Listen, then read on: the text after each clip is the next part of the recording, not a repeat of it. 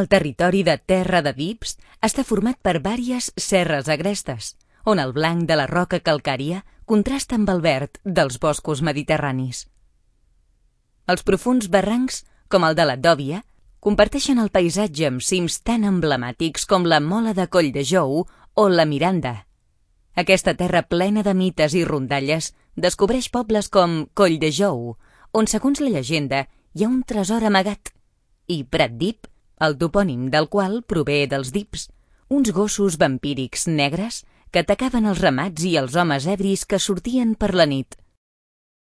Al més alt de la muntanya vermella de la Roca, el color blanc de l'ermita de la Verge de la Roca, situada gairebé 300 metres d'altura, serveix d'aquí als mariners que navegaven pel proper mar Mediterrani.